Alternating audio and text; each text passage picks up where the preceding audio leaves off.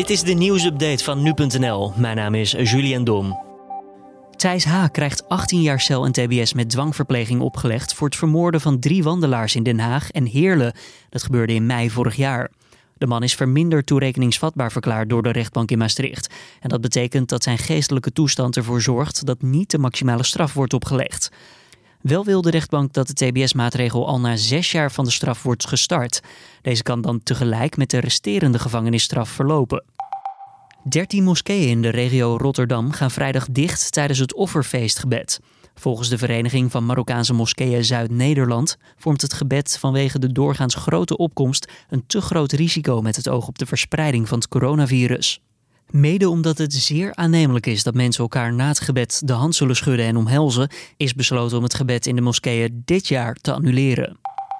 De Duitse economie heeft het afgelopen kwartaal te maken gehad met de grootste krimp die ooit is gemeten door het Duitse Federale Statistiekbureau. Het gaat om een daling van 10,1 procent. En dat valt erger uit dan de daling van 9 procent die economen vooraf hadden verwacht. Daardoor is bijna 10 jaar aan economische groei in drie maanden verdampt. Ook de Amerikaanse economie heeft met een recordkrimp te maken van bijna 33 procent vanwege de coronacrisis.